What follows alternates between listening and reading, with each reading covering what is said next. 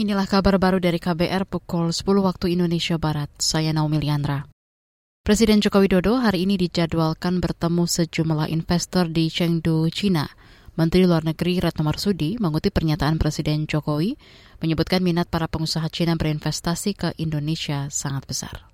RRT merupakan investor terbesar kedua di Indonesia dengan nilai 8,2 miliar US dollar pada tahun lalu. Meski angkanya sudah besar, namun kita lihat potensi masih besar dan sangat potensial untuk ditingkatkan lebih jauh lagi. Berbagai sektor investasi yang berpotensi di antaranya energi hijau, fiberglass, kesehatan, dan juga petrokimia. Presiden mengundang investasi RRT dalam pembangunan IKN.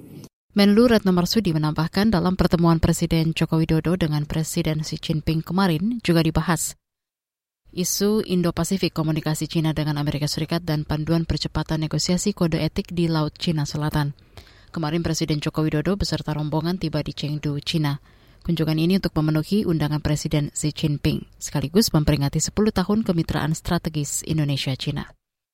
Saudara sektor UMKM berperan penting dalam perekonomian nasional. Menurut Ketua Dewan Kerajinan Nasional Dekranas Uri Maruf Amin, sektor UMKM memberi kontribusi signifikan menciptakan lapangan kerja dan meningkatkan pendapatan masyarakat. Kita juga harus terus mendorong optimisme UMKM untuk terus berkarya dengan mengedepankan kreativitas serta memanfaatkan teknologi digital dalam menciptakan nilai tambah dan meningkatkan akses pasar, terutama dalam menghadapi era digitalisasi saat ini. Usaha yang mampu beradaptasi dengan perubahan dan teknologi baru akan lebih siap menghadapi tantangan di masa depan. Ketua Dewan Kerajinan Nasional Dekrana Suri Maruf Amin menambahkan, produk UMKM tidak hanya bisa memenuhi kebutuhan pasar lokal, tapi juga berpotensi diekspor. Untuk itu tantangan yang dihadapi sektor UMKM harus diatasi bersama. Saudara, acara Karya Kreatif Indonesia 2023 diselenggarakan Bank Indonesia sebagai bentuk selebrasi keberhasilan pengembangan UMKM. Acara ini digelar di Jakarta Convention Center Senayan hingga Ahad nanti.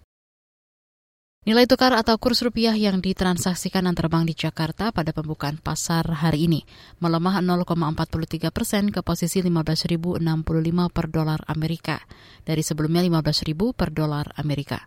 Sementara itu indeks harga saham gabungan di Bursa Efek Indonesia pada pembukaan perdagangan hari ini juga dibuka melemah 6,34 poin ke posisi 6.890.